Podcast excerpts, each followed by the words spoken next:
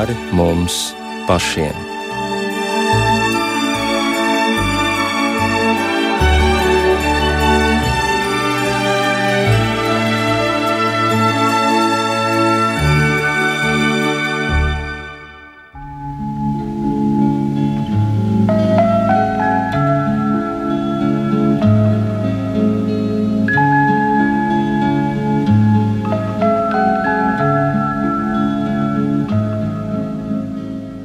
Esiet sveicināti raidījumā pāri mums pašiem. Šodien runāsim par dzīvi un par dzīvību, kas ir tik trausla un skaista, kas ir brīnums, jeb kā sacīts svētajos rakstos, jo dievā mēs visi dzīvojam, kustamies un esam. Un tomēr katram ir savs nogrieznis, vienam turpat simts gadi, citam tikai dažas nedēļas, un vai gan ir iespējams salīdzināt šīs dzīves un šo pieredzi, piedzīvoto un sakrāto, varbūt arī jēgu. Kā ir sacījis kāds vietas garīdznieks, katram cilvēkam ir savs oriģināls ceļš, veidojot attiecības ar Dievu. Bet tikai, diemžēl, dažiem tas ir pavisam īss, un tie ir paši neaizsargātākie, kuri ir tikai ceļā, lai ieraudzītu šo pasauli.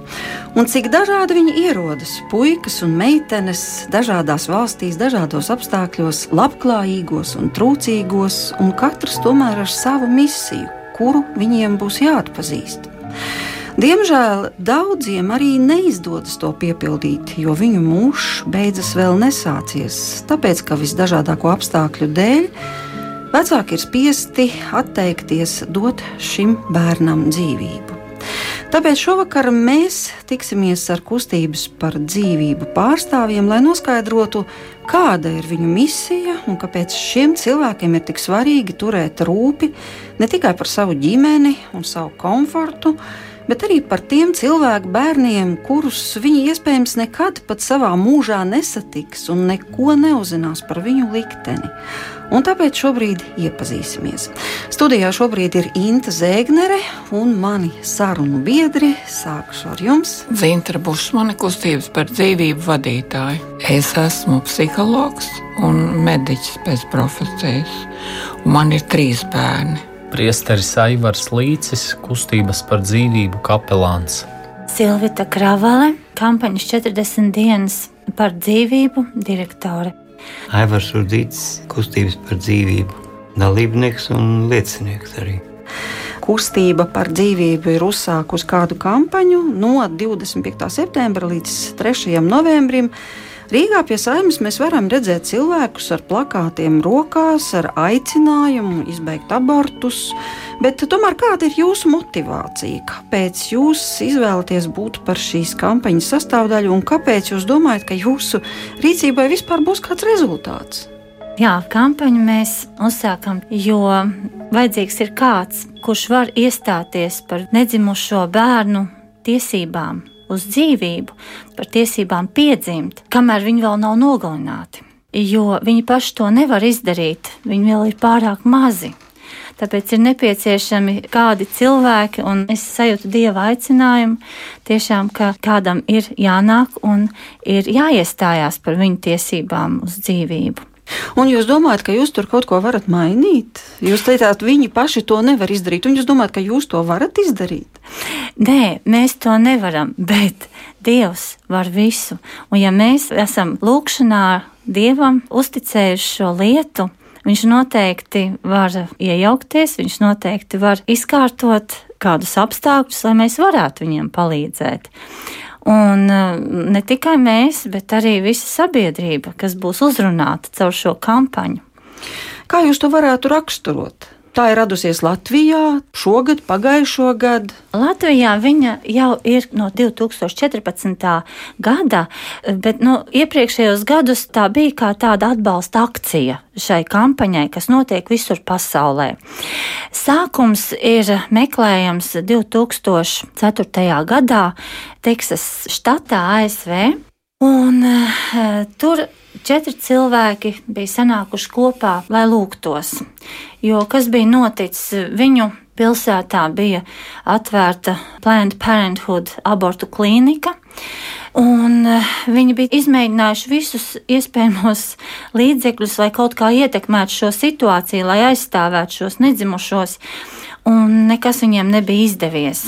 Un tad viņi sanāca uz stundu garu lūkšanu kopā un lūdzās, un šīs stundas laikā Dievs viņiem atklāja šo 40 dienu laika sprīdi ko mēs sastopam bieži vien Bībelē, kad mēs lasām gan vecajā derībā, gan jaunajā.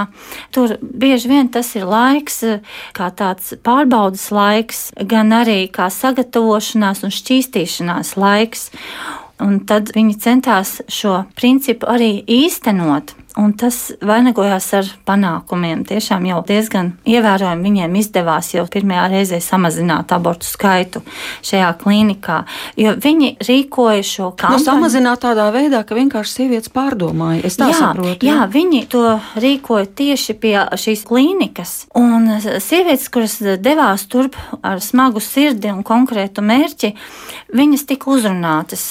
Un daudzas apstājās, ieklausījās un pārdomāja.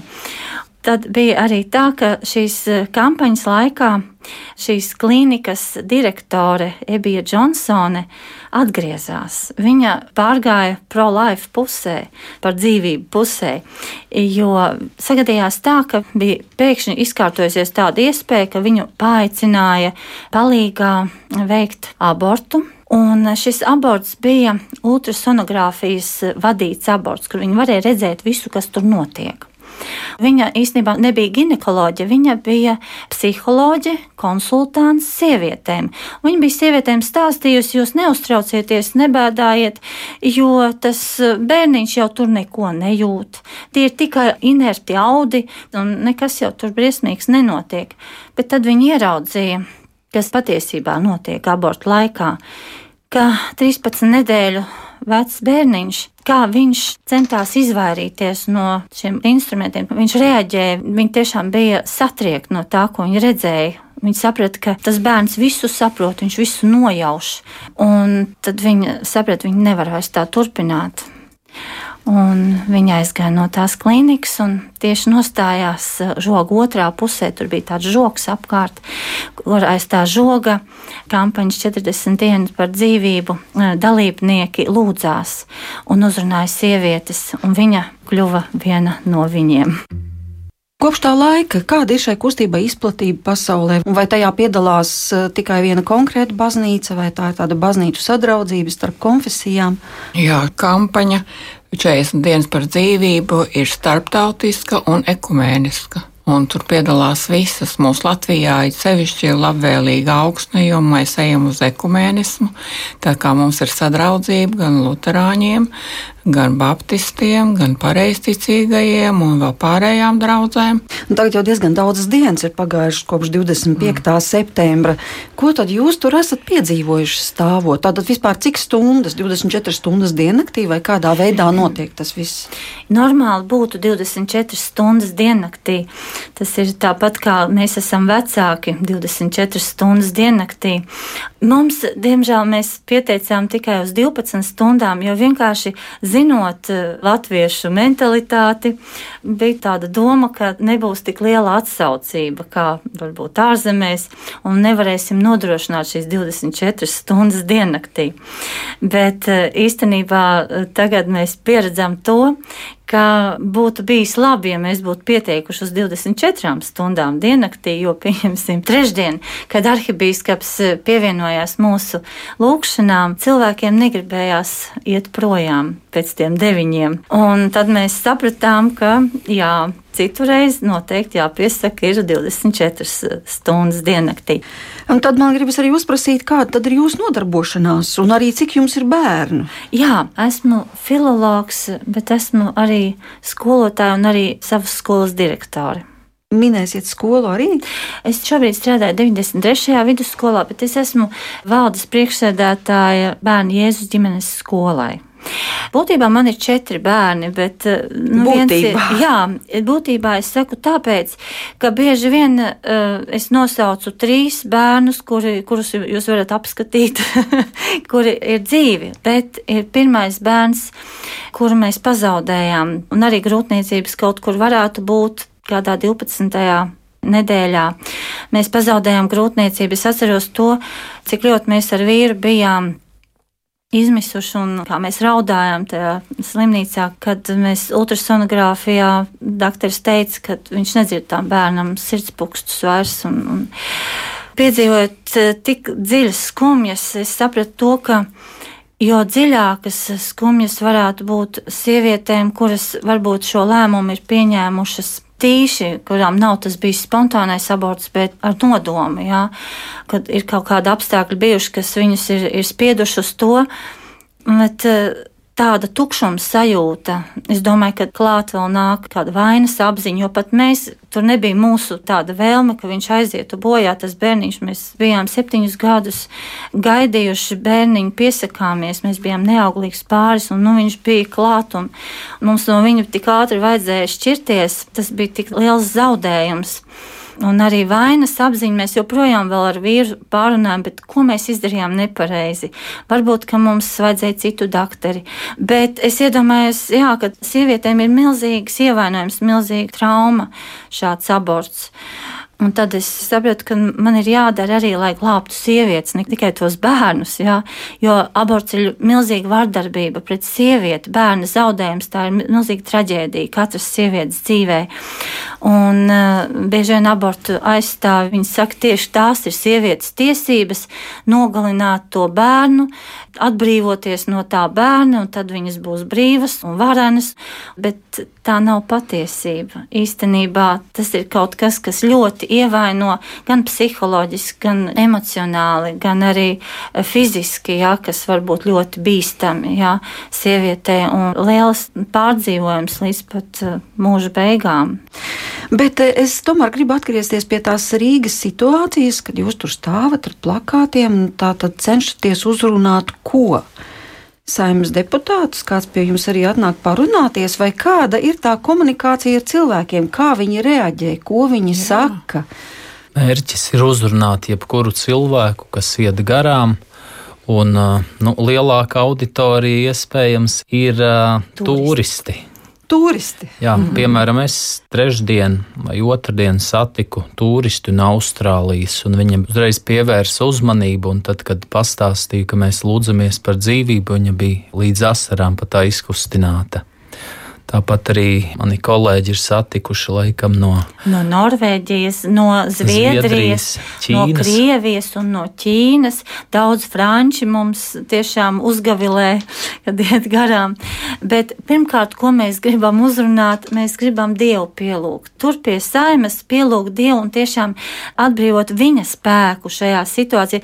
Mēs lūdzam, lai Dievs apskaidro sirdis un prātus un tiešām piepild mūs ar mīlestību vecākiem uz saviem bērniem, bērniem uz saviem vecākiem, politiķiem uz savu tautu, doktoriem uz saviem pacientiem un tā tālāk. Tiešām Dievs piepilda sirdis ar mīlestību un apskaidro, ko tad īsti darīt. Un tas ir pirmais. Otrais ir tas, ka mums ir jāinformē sabiedrība. Arī saima, arī garām gājieni. Tas nekas, ka tie ir turisti, jo tiešām 40 dienas par dzīvību tiek reklamētas tagad starptautiskā līmenī šeit Rīgā. Bet mēs saimai atgādinām mūsu satversmes 93. pantu, kas nosaka, ka ikvienam ir tiesības uz dzīvību mūsu valstī un ka šīs tiesības aizsargā likums arī to, ka e, pat Pasaules veselības organizācija ir atzinusi, ka cilvēka dzīvības iesākums ir ieņemšanas brīdis. Tas nozīmē, ka šis 93. pāns, kas aizsargā mūsu tiesības uz dzīvību, attiecas arī uz nedzimušajiem. Tā jau nav politiska kampaņa, tas mums tiešām Jā, ir atzīmēts. Tā ir lūkšana kampaņa. Tā ir lūkšana kampaņa. Jā. Un tomēr mums daži deputāti ir atnākuši pie mums parunāties. Es, starp citu, Facebookā lasīju arī dažādas atsauksmes par to, un viena bija ļoti interesanta, kurā tika teikts, ka Latvijas Republikas civila likuma 386. pantā ir teikts, ka uz mantojuma atklāšanās brīdi ieņemta persona var mantot, pat ja tā vēl nav piedzimusi. tātad bērns vēl tikai ir ceļā uz šo pasauli, bet viņš jau ir mantinieks.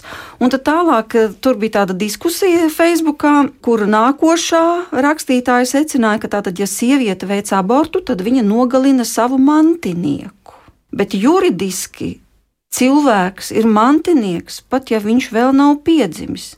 Tai pašā laikā mēs sakām, ka viņa nogalināšana tas nav nekāds pārkāpums tur sanāk kaut kāda ļoti liela pretruna. Vai jums ir nācies to pētīt kaut mazliet? Jā, likumos ir pretruna, jo, kā jau teica kolēģe, ka ir satversmē rakstīts, ka cilvēka dzīvība Latvijā tiek aizsargāta, bet tajā pašā laikā reprodukcijas likumā ir teikts, ka aborts ir legāls līdz 12. grūtniecības nedēļai, un savukārt šī mantojuma likumi tātad apgalvo, ka nedzimušam bērnam ir tiesības būt par mantinieku. Tā ir tāda savstarpēji iekšēja nesaskaņa. Jā, interesanti. Jūs minējāt tos turistus, francūži uzgavilēja, austrālieši priecājās, tur vēl kāds aplaudē, un, un tajā pašā laikā latvieši izmirst. Man interesē šis moments, kā reaģē tādā gadījumā latvieši un vispār kāda ir mūsu situācija. Kaut kur kādreiz e, bija pētīta tā statistika, tur bija teikts, ka no 97. gada latvieši izmirst, ņemot vērā arī aizbraukušo skaitu un to depopulācijas skaitu, ka tā ir apmēram viena vidēja pilsēta gadā. Jā, kopš 1990. gada, kad Latvijā bija kādi 2,6, 7 miljoni, tad uh, Tagad Latvijā ir oficiāli 1,9 miljoni. Tas nozīmē, ka ir um, par vairākiem simtiem tūkstošu. Tur, protams, ir dabiskais samazinājums un arī emigrācijas pārsvars pār iebraucējiem un attiecībā uz abortiem mākslīgajām grūtniecības pārtraukšanām, tad uh, abortu skaits 90. gadu sākumā oficiāli bija ļoti liels. Tur cipari ir pat līdz 38,000, nu 40. Tad uh, pakāpeniski šis skaits oficiāli samazinās. Tagad gadā ir apmēram 4000 mākslīgu abortu.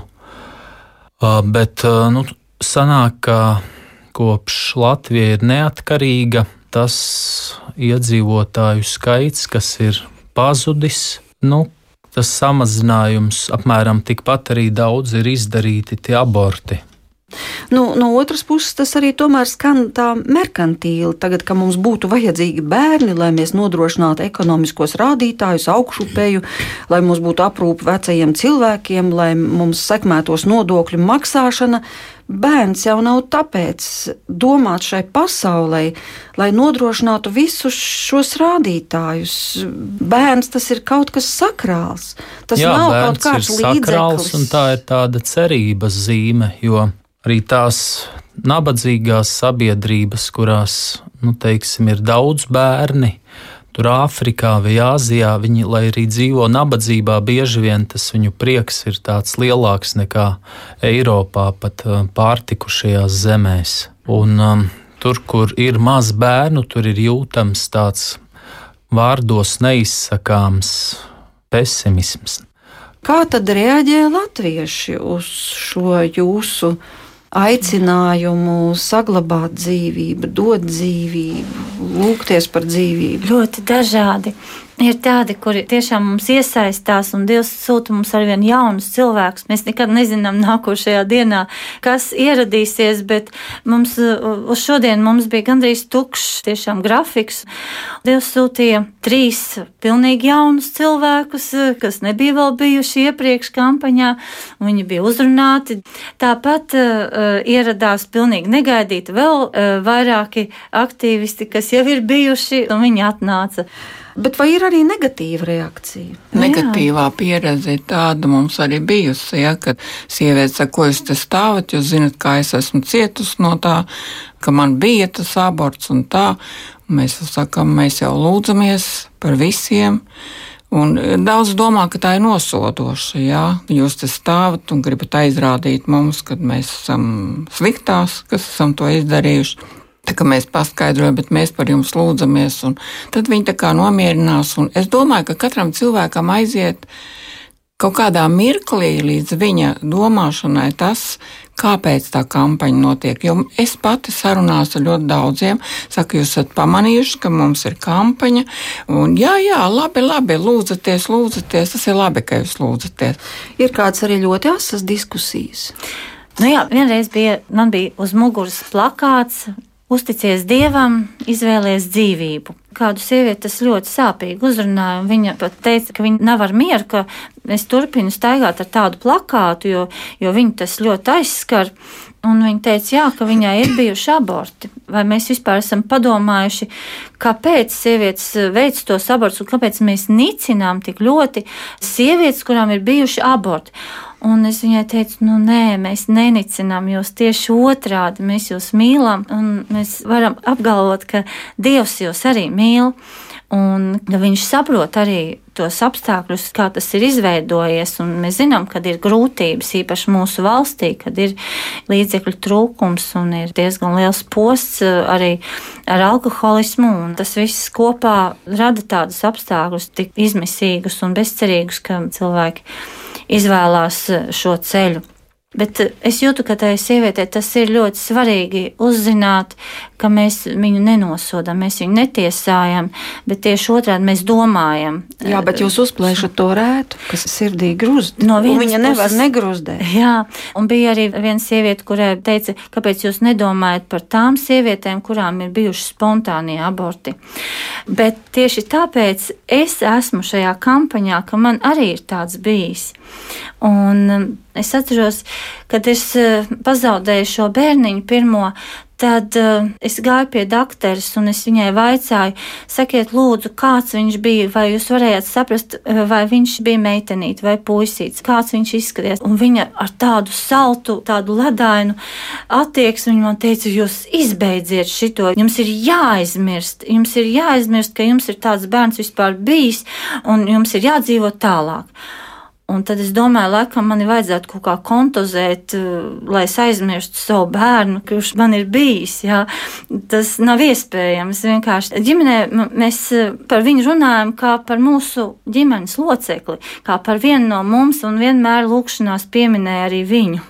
Un mēs vienmēr zinājām, ka Viņš ir debesīs un Viņš arī par mums aizlūdz.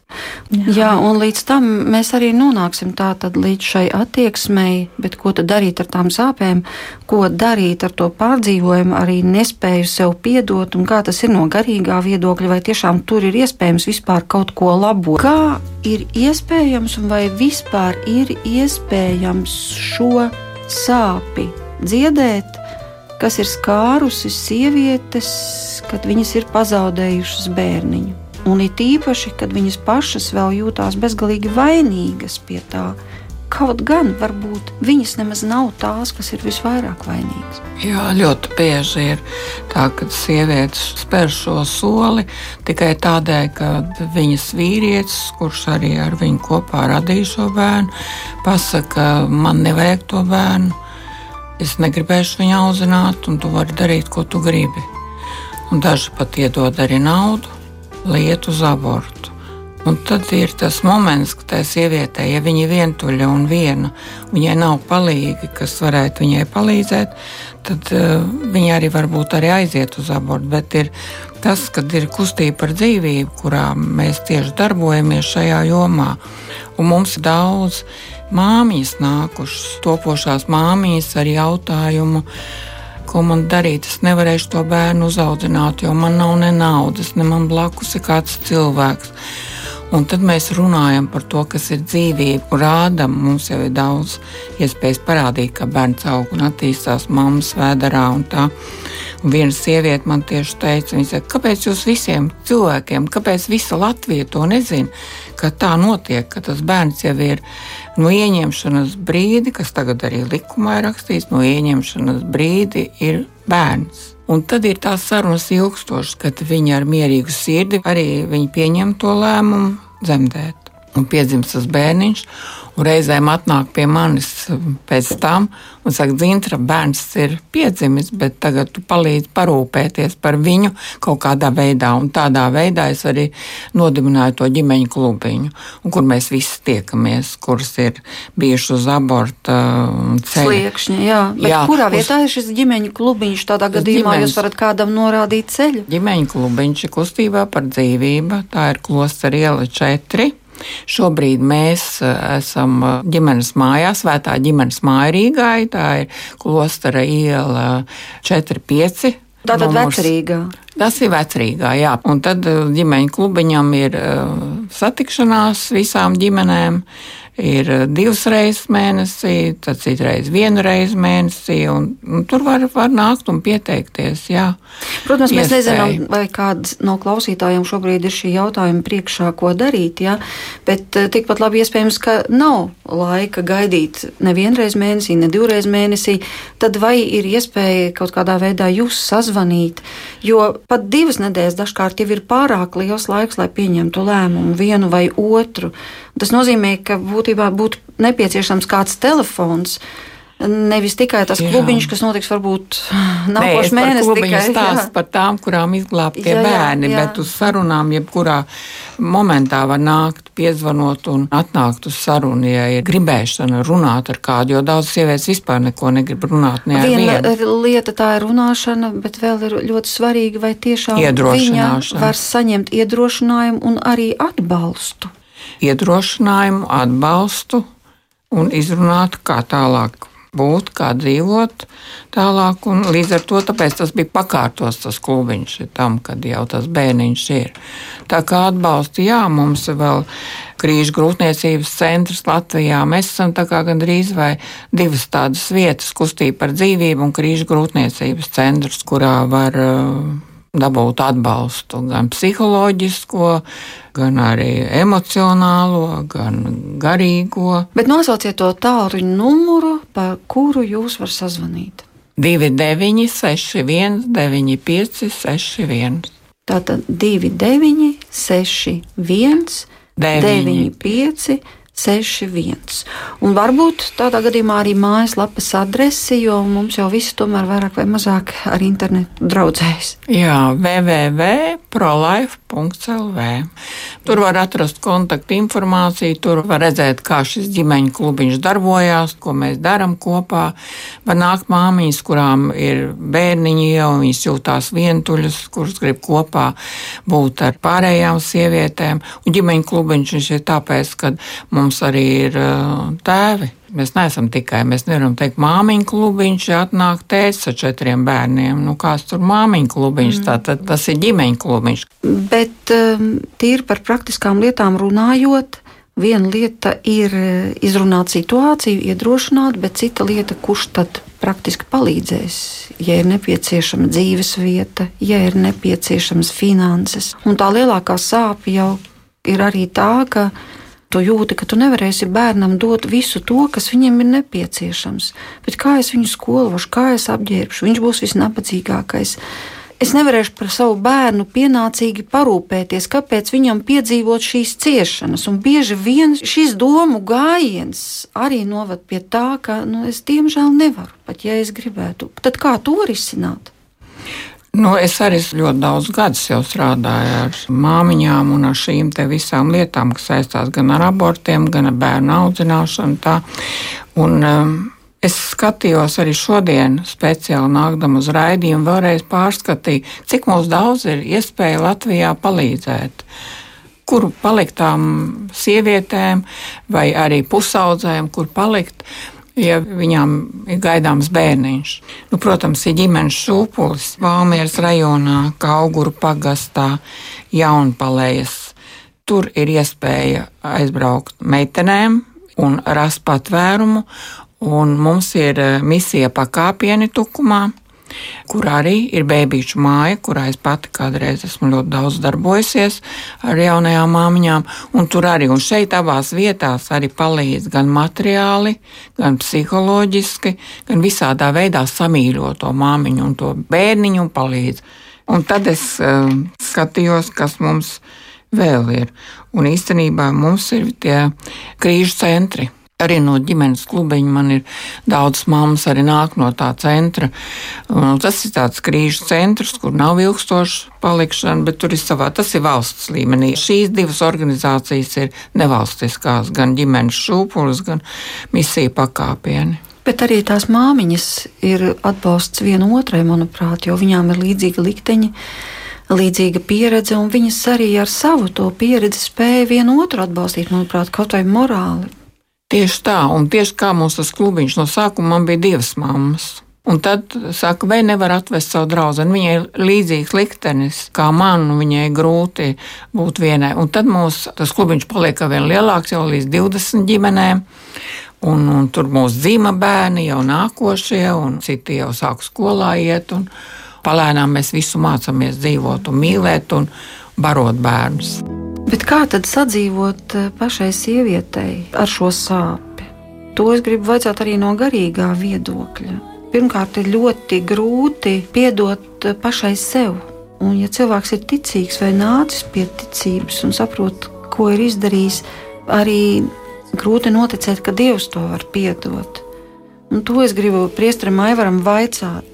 Svētie raksti saka, ka pat ja jūsu grēki būtu sarkani kā asinis, tomēr tie paliks balti kā sniegs. Tas nozīmē, ka dievam nav tādu grēku, kur viņš nevar piedot, un līdz ar to baznīca arī piedāvā izlīgšanu ar dievu. Nu, Katoļu baznīcā tas ir grēksūdzes sakraments, un daudzi cilvēki, kuri pat ir bijuši šajā abortu biznesā, un arī tie, kuriem pašiem ir bijis aborts, viņi ir caur šo krīzi, caur sāpēm, viņi ir atgriezušies pie dieva un arī saņēmuši izlīgšanu tieši grēksūdzes sakramentā. Un tas ir viens no tādiem līdzekļiem, kā var atrast kaut kādu mierinājumu. Protams, tās brūces, viņas varbūt nav tikai tīri caur grēksūdzi remdējamas. Nu, te ir vieta terapijai, psiholoģiskai palīdzībai, jo šīs lietas ir jāizrunā, lai varētu paskatīties no malas. Bet te ir ļoti daudz jautājumu, par kuriem Silvija jau arī minēja. Pirmkārt, kas viņš bija tas mans bērns? Puika vai meitene? Otrkārt, kur viņš tagad ir? Nu, Kristīts par, to, netika. par to, kur viņš ir, tur ir bijušas gadsimtu gaitā visādas spekulācijas un hipotēzes, bet tas, ko baznīca ir definējusi, ka baznīca paļaujas uz dieva žēlsirdību, ka arī tiem, kas ir nomiruši bez kristības, ka viņi tiks pestīti, viņiem būs dzīve mūžībā. Jo viņu vaina tur nav nekāda. Un Nu, tieši tā, tas viņi ir vismazāk vainīgie upuri. Jā. Bet um, kā lai lūdz atdošanu? Viņam taču vajadzētu lūgt atdošanu. Jā, priesteris ir Jēns Veto no franču kopienas Šemenef. Man toreiz mani mierināja tā, viņš ieteica dot viņam vārdu. Un ieteica, lai tas ir vārds, kas dara abiem dzimumiem. Mēs lūdzāmies ar vīru, mēs lūdzāmies un mēs saņēmām to vārdu. Mēs arī tā viņu arī nosaucām. Un tad otra lieta ir tā, ko man ieteica ļauties asarām, vienkārši izraudāties par notikušo un, un, un neslāpēt tās, nenoliegt, ka viņš nav nekad bijis, kā man ieteica doktori, jā, tā kā nenocietināties, bet tieši otrādi ir ļoti svarīgi apraudāt. Vai arī, ja viņam, ja tiešām tas ir bijis tīši tīšs aborts, jā, mēs pat lūdzām piedošanu. Mēs nezinājām, ko tieši mēs nepareizi esam izdarījuši, bet tik un tā mēs lūdzām piedošanu, ka mēs viņu nenosargājām. Es domāju, arī varbūt vecākiem, kas to ir izdarījuši tīši, jo īpaši ir jālūdz piedošana arī saviem bērniem. Un vēl viena uh, brīnišķīga lieta notika Saldū, kad mums bija kopienas efata rekolekcijas. Toreiz tika piedāvāts, ka bija tāds aizlūgums par visiem tiem, kuri ir aizgājuši no šīs dzīves uh, pirms viņi paspēja būt kristīti. Tā ir brīnišķīga tiešām pieredze, gan mēs visi, kas apzināmies tādus bērniņus, kas nav saņēmuši to šo kristības sakramentu, tas bija tāds aizlūgums, ka mēs uzticējām Dieva žēlsirdībai šos bērnus un lūdzām, lai Jēzus Kristus, lai viņus tādā ilgu kristībā, lai nokristu un viņiem arī sagādāt tās pašas žēlastības, ko saņem kristītie bērniņi. Mums tiešām tad ienāca miers mūsu sirdī, kad uh, mēs esam darījuši visu, lai viņš saņemtu visas iespējamās žēlastības. Galu galā 28. decembrī ir uh, nevainīgo bērniņu mocekļu piemiņas diena, un tie ir tie bērni, kurus lika nogalināt Hērods, kad viņš gribēja uh, nogalināt Mesiju jaunpiedzimušo. Šie bērni ir svētie, viņi nomira par Kristu. Un daudz arī tos bērnus, kas nomirst abortos, viņus sauc par mūsdienu mocekļiem. Tā kā gan jau, ka viņi arī ir debesīs. Bet tik un tā vienmēr pastāv šis jautājums, ko man tagad darīt. Pirmkārt, jau man liekas, visvairāk mocošais jautājums ir tas, ka Dievs to nevar piedot. Un Bībelē ir rakstīts, ka slepkavas nemantos debesu valstību. Un tad šī sieviete jūtās tā, ka viņai ir aizslēgtas durvis uz debesīm, jo toreiz viņa izdarīja tā. Tad cik teoloģiski vispār pamatoti tas ir? Kristieši vairāk vai mazāk zina, ka tas, kurš apsūdz, apsūdzētājs, tā balss ja ir cilvēkam, ka Dievs nevar piedot šādu grēku, tā balss diezgan skaidri no ļaunā. Jo nu, ļaunais grib ievest izmisumā cilvēku. Un tāpēc vajag vienmēr atcerēties, būt nomodā, ka šādas domas nāk. Tur, protams, ir šis ievainojums, bet nu, ļaunais darbojas caur to, un tas ir jāapzinās pirmkārt. Bet tik un tā vēl pastāv jautājums, ko vēl iespējams darīt? Nu, tātad sava bērna labā, ko turpināt par viņu lūgt? Novembra mēnesis baznīcā ir tas, kad lūdzās par mirušajiem, īpaši pirmās šīs deviņas novembra dienas, un Tāpat var lūgties par šiem bērniem. Bet ir arī garīga adopcija, vai jūs varētu dažus vārdus par to pateikt? Jā, garīga adopcija ir tāds pasākums, kas ir radies Polijā, Paulīniešu ordenī. Un tas nozīmē, ka deviņus mēnešus katru dienu lūgties par kādu nezināmu bērnu nedzimušu, kura dzīvībai draud briesmas. Un tas ir svēts solījums, kuru cilvēks var uzņemties.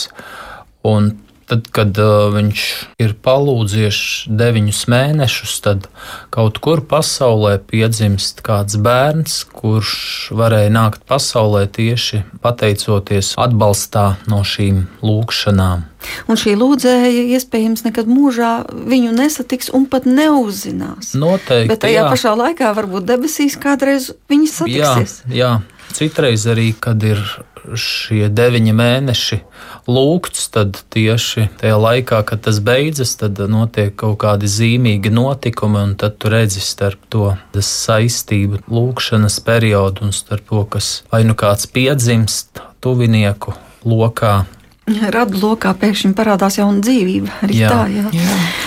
Un caur šīm lūkšanām īstenībā ļoti daudz sievietes eh, spēja kaut kādā veidā sevi realizēt ar to, ka viņas palīdz citiem bērniņiem piedzimt. Tas arī ļoti e, svarīgi ir. Un, un tāpēc tik daudz tagad arī piesakās, un es individuāli ar, ar dažām esmu runājusi, jā, un viņas arī man teikuši, man pašai bija aborts, un tagad es pieņēmu to garīgo adopciju un ceru, ka kāda sieviete būs laimīga. To var uzņemties gan privāti, gan arī ir dievnami, kuros lielākos svētkos dievmātei, piemēram, 8. decembrī vai augustā 14. tad uh, ir lielāki dievkalpojumi, kur nu, cilvēki var publiski salikt tos solījumus. Tas varētu šķist par sarežģītu, bet, piemēram, ja kāds nolēma, labi, bet es vienu tēvreizi dienā skaitīšu, bet visus šos deviņus mēnešus neatlaidīgi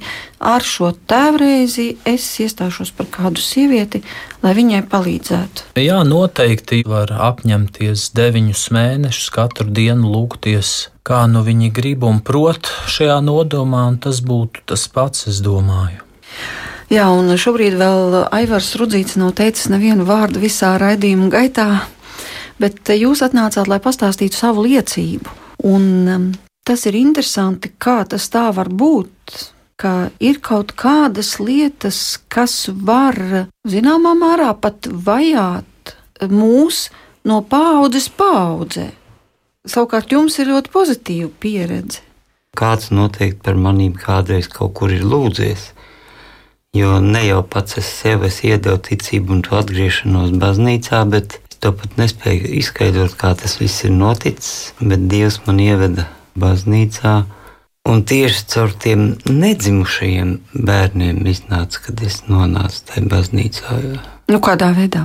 Man viena meita jau bija, un sākās kaut kāda atgriešanās, jo man tas dzīvesveids bija nu, galīgi nepareizs. Es pat nezinu, ka kaut kāda tante teica, ko tu to naudu tērē visādiem ārstiem un tā tālāk, labāk aizies uz baznīcu. Un, un kaut kā es nezinu, kāpēc, bet es sapratu, ka man vairs nekas nevar palīdzēt. Kā slīkons ķerās pie pēdējās almiņas, domāju, nu, mēģināšu vēl to, jo visu es jau biju izmēģinājis. Tad es sāku lēnām skatīties uz baznīcas pusi, eh, sāku kaut kā lasīt to evaņģēlīju, bet sākumā es nedomāju, ka man laikam jāiet pa priekšu pie ārsta, jo viss tas evaņģēlijs ir pilnīgi atšķirīgs visam tam, ko es līdz šim biju darījis. Es domāju, vai es nepareizi visus tos 30 gadus dzīvoju, vai viss tā pasaule, vai ar to grāmatu kaut kas nav kārtībā. Jo tur bija pilnīgi viss nu, ar kājām apgriezts gaisā. Nu, es katru dienu pa drusciņai lasīju, un otrā dienā ar manīm kaut kas līdzīgs atgadījās. Es domāju, es 30 gadus esmu darījis tā, bet grāmatā ir rakstīts tā, nu, es lauzu sevi un domāju, es nu, darīšu otrādi tā kā tajā grāmatā. Bet kaut kā visu to, ko es darīju, kā tajā grāmatā rakstīts, vienmēr Rezultāts bija pozitīvs. Nu, tā es iepazinos to evaņģēlīju pamazām. Un tad, kad man viena meita jau bija, un es jau sāku stāties uz savām kājām caur baznīcu, un pēkšņi iegāju sāpju diamāts baznīcā, dienas laikā apsēdos, un neviena apkārt nebija, nu, tukša baznīca. Un pēkšņi man nemāk izskaidrot, kā tas ir paziņo, iedevešu vai kā pasaka, ka tev būs vēl viens bērns. Es atnāku mājās, sievai saku, nu, Mums būs vēl viens bērns. Viņa saka, kā tu to zini? Viņa otrā dienā aiziet uz polikliniku, jo viņai arī bija aizdoms, un tiešām viņa ir stāvoklī. Un tad nodeva analīzes un visu to pārējo. Un ārsts saka, ka analīzes ir ļoti sliktas. Mums vēl tie rēzus nesapas, un, un, un var sakot, piedāvāja abortu. Es pat nemāku izskaidrot, kāpēc, bet es tā jūtu, ka kaut kas nav labi. Nu, es saku, nu, tagad neiesim pie tā ārsta, iesim pie nākošā cita. Aiziet pie cita. Mm. Arī nāves spriedums. Atnākam mājās un runājam, sēžam virtuvē. Es, saku, zini, es nezinu, es tikai jūtu, ka, ja mēs to izdarīsim, būs kaut kāda traģēdija. Es nemācu izskaidrot, kāda, vai mēs šķirsimies, vai kaut kas notiks briesmīgs, vai kā es saku, bet es jūtu, ka, ja mēs to izdarīsim, tad būs slikti. Nu, tad nolēmām aiziet uz baznīcu. Un tur apdiemātai kalpoja priesteris Kazlovskis. Viņš saka, ziniet, abortu netaisiet, bet jūs lūdzaties. Kā es mācīju tajā laikā, tā es lūdzos, liku rokas uz vēdera, noguris pārgurs nāca no darba, bet nu, kā es mācīju, tā es lūdzos. Un deviņas mēnešus dzīvoju tādās nu, bailēs, jo cilvēks jau parasti domā visu to ļaunāko. Un bija sastāstīts tur tāda šausmu filmu vispār. Datos deviņus mēnešus nolūdos un aizēju uz slimnīcu. Kad piedzima, un, un, un iznāk māsiņa vai doktora, kas tā viņa saka, jums meitiņa piedzimusi, bet es jau gaidīju nu, to, ko man bija sastāstījuši galvā, un nezinu ko. Un, Rokas kājas tribēja, un es tādā necilvēciskā sejā viņu paķēru aiz rokas un saka, ko jūs tāds uztraucies, jums tāda meitiņa, ka priecājieties, mēs sen tik veselīgi bērni esam rokās turējuši. Tā, tā kā es stāvēju, nu, nenokrita jau burtiskā veidā, bet nu, nošļuvu garā izgalīgi uz ceļiem un sapratu, ka man jāiet uz aglonu, pateikties Dievmātei. Un tā es katru gadu, cik es varēju, gāju kājām, un tā es katru gadu pateicos Dievmātei par bērnu. Mēs nācām caur nedzimušu bērnu, es pats atgriezos, pēc tam vēl mans tēvs atgriezās, ar mazbērniem. Nu, tad man tā meita, viņa tagad 26 gadi divu pusgadu atpakaļ man uzdāvināja mazu dēlu. Un šogad viņi man paziņoja, ka viņi ir atkal stāvoklī. Bet ārsti uztaisīs sonogrammu. Sonogrāfija. Jā, un aizdoms ir par daunu. Un, nu, nebija tā kā mums, tad pilnīgi ar varu mums spieda to abortu. Bet viņai deva laiku, jo laiks bija ļoti īss apdomāt. Nu, un tad piedāvāja vēl analīzes aizsūtīt uz Ameriku, un paldies Dievam, kaut kāda nauda bija. Es to visu nomaksāju, un vismaz meitai atnāca atbildi pēc divām nedēļām, ka viss ir kārtībā, uztraukumam nav pamata. Un tieši akcijas diena, kad sākās 24. piedzima man dvīnīši. Dvīnīši. Nu, ne man, bet manai Nu, meitai. jā, skaidrs, protams. Puika un meitene. Bet tu pasaki arī to, ka tava meita bija gatava arī, ja būtu Dauna sindroms, jā, arī nu. tad viņa bija gatava viņus pieņemt un dzemdēt un vienkārši mīlēt. redzēja, ka viņa stāvēja tā kā laikam uz klints. Viņa laikam bija tik stingra, ka ārsts saprata, ka tur nu, nebūs nekāda aborta. Vienkārši ļāva viņai apdomāties. Jā, nu, ļoti skaista liecība. Un tagad jūs esat mazbērniem bagāts, un jums ir divas meitas.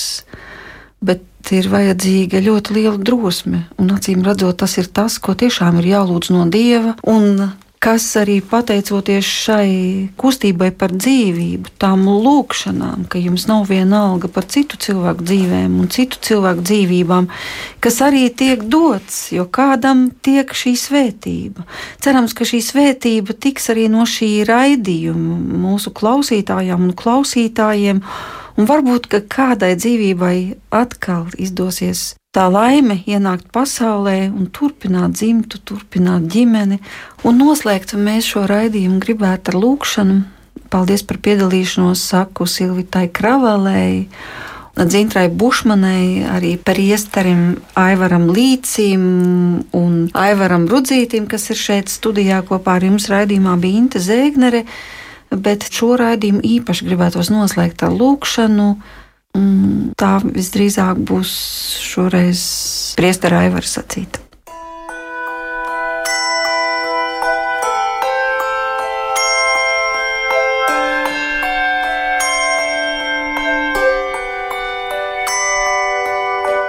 Paldies, Kungs, ka Tu šovakar mūs sapulcēji uz šo raidījumu. Paldies, ka varam lūgties par dzīvību un ka var notikt Rīgā šī kampaņa. Tādēļ mēs īpaši uzticam Tev šajā vakarā visas tās sievietes, tās ģimenes, kuru dzīvē ir ienākusi jauna dzīvība.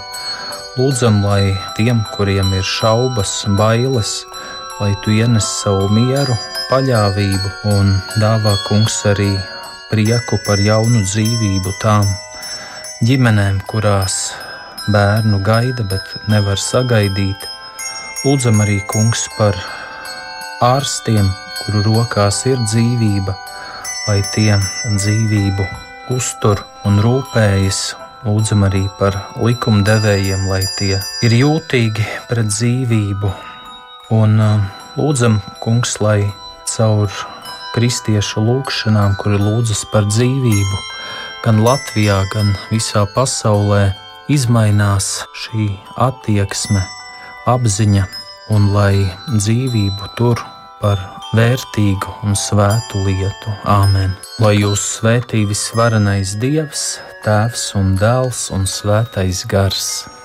Dieva žēlastība, lai jūs pavada! Pateicība Dievam!